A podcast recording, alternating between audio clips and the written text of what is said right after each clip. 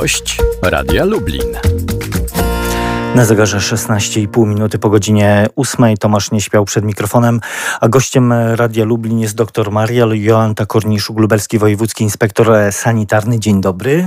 Dzień dobry, witam Państwa. Chociaż chyba każdy kolejny dzień to jest jednak jakiś niepokój o te nowe dane statystyczne dotyczące zakażenia koronawirusem, niestety. E, rzeczywiście tak jest. E, pandemia towarzyszy nam od e, początku marca. I rzeczywiście jest tak, że mamy gdzieś tam ciągle z tyłu głowy taką informację, że żyjemy w okresie zagrożenia epidemią. Jest epidemia, może już mniej przeżywamy każdy nowy przypadek, niemniej jednak one występują. Do wczoraj e, sytuacja na terenie województwa lubelskiego wyglądała tak. E, mam też e, przed sobą taką mapę z tymi danymi statystycznymi. Badaniami laboratoryjnymi potwierdzono 880 przypadków zakażenia, 621 ozdrowieńców i niestety 20 zgonów. Wczoraj mieliśmy taką pozytywną informację, informację, że nie odnotowano nowych zakażeń. Czy dzisiejsze dane przyniosą jakieś, czy przynoszą jakieś optymistyczne mm. wieści? E, mamy z godzin nocnych dwa potwierdzone zakażenia. Jeden przypadek to jest y, y, osoba przyjezdna, y, a więc możemy powiedzieć, że zakażenie zawleczone spoza granicy, y, granic naszego kraju. Y, natomiast druga osoba to jest osoba z kwarantanny, y, z kontaktu z osobami z ogniska zakażenia, które ma miejsce w Piszczaku. No właśnie, to, to ognisko, które chyba y, tak najwięcej niepokoju y, wzbudziło na przełomie czerwca i, i, i, lipca, bo rzeczywiście przypadków y, sporo, jak na nasze województwo, y, bo te, trzeba też odnotować, że nasze województwo lubelskie no, w miarę przyzwoicie prezentuje się na tej mapie całego kraju. No ale właśnie, te kolejne ogniska, nowe ogniska, osiem już y, w województwie y, lubelskim, prawda? Rzeczywiście to ognisko to była dość dynamiczna, e, dość dynamiczny przyrost e, zakażeń. Również zakażenie zawleczone z innego e, województwa do powiatu bielskiego. I tam dość dynamicznie rozwijało się to zakażenie. Na szczęście możemy mówić już w czasie przeszłym, w tym sensie, że ognisko jest na etapie wygaszania przypadków zakażeń tak jak właśnie powiedziałam wcześniej, jest bardzo już y, niewiele. W dzisiejszej nocy jedno, y, jedno zakażenie potwierdzone, osoba z kwarantanny, a więc też możemy powiedzieć o takiej sytuacji, że wszystkie osoby, które były zakażone, zostały y, objęte izolacją, procedurami izolacji, osoby z kontaktu, procedurami kwarantanny, a co za tym idzie, możemy powiedzieć, że panujemy nad sytuacją ona jest pod kontrolą, jeżeli chodzi o to ognisko y, w Piszczacu. Podobnie jest z pozostałymi ogniskami, które występują na terenie naszego województwa. To w powiecie bialskim jest największe, tam największa liczba e, zakażeń, 81 osób zakażonych.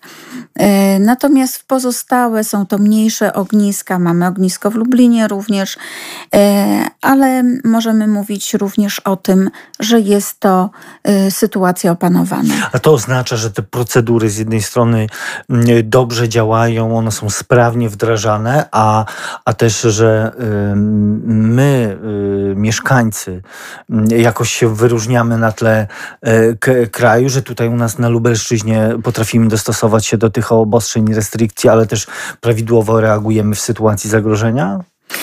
Rzeczywiście tak możemy powiedzieć, generalnie tak jest. Nasze społeczeństwo naszego województwa wykazało tutaj dużą, duże zrozumienie dla y, całej sytuacji związanej z epidemią i rzeczywiście jest tak, że stosujemy się do zaleceń może nie wszyscy. Y, w związku z tym ciągle y, mamy więcej pracy jako inspekcja sanitarna i podejmujemy działania profilaktyczne. Y, stąd też nasza akcja właśnie przy współpracy z policją, ale również dzięki mm, współpracy z mediami możemy przekazać informacje, które są ważne, te informacje edukacyjne, a więc te, które możemy wdrożyć na chwilę obecną i to, co możemy zrobić w sytuacji epidemii sami dla siebie, czyli nosić maseczki, bo tak jak podaje Światowa Organizacja Zdrowia, drobnoustrój przenosi się drogą kropelkową, ale są też dowody na to, że drogą powietrzną, a więc na mniejszych ym, cząstkach powietrza. Ym, i po drugie zachować dystans y, społeczny. Nigdy ten... dość oczywiście y, przypominania o tych podstawowych zasadach, tak. które tak naprawdę mogą y, niektórym uratować wręcz życie, ale mamy też środek wakacji, też widzimy co się dzieje, czy w miejscach wypoczynku, czy w, w ogóle w przestrzeni publicznej i, i czasem też widzimy, że z przestrzeganiem tych obowiązków, czy zasłaniania ust i nosa, czy zachowywania dystansu, no jest bardzo różnie.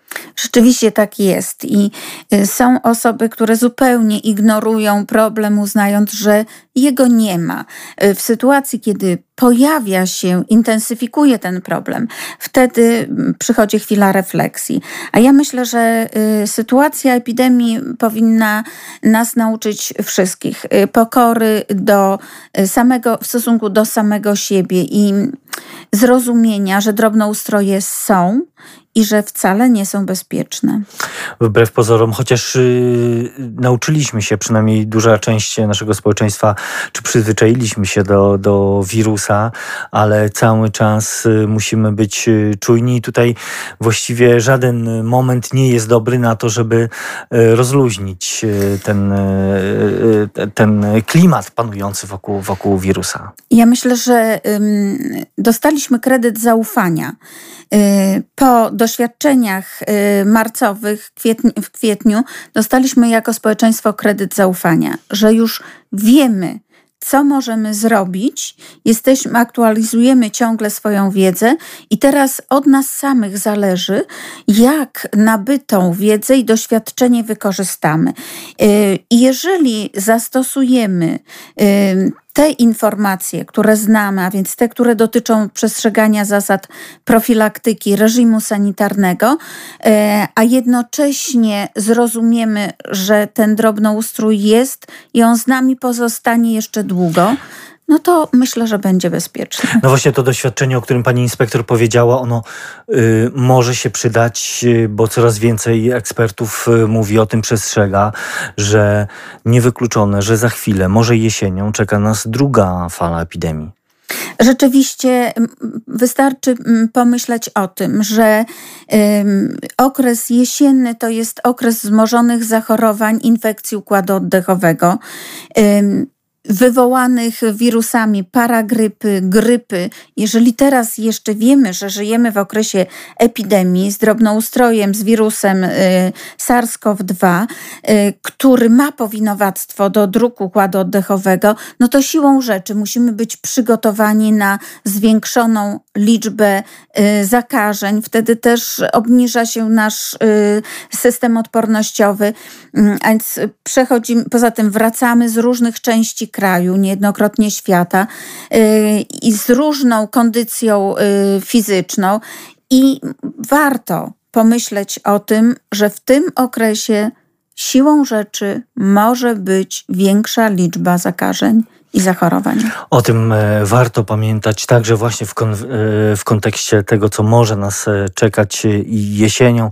Będziemy oczywiście o tym przypominać za tą porcję informacji, ale też tej profilaktyki, edukacji. Bardzo dziękuję dr Marii Jolancie Korniszuk, lubelskiemu wojewódzkiemu inspektorowi sanitarnemu, która była gościem Radia Lublin. Bardzo dziękuję. Dziękuję ślicznie. Tomasz Nieśpiał, do usłyszenia.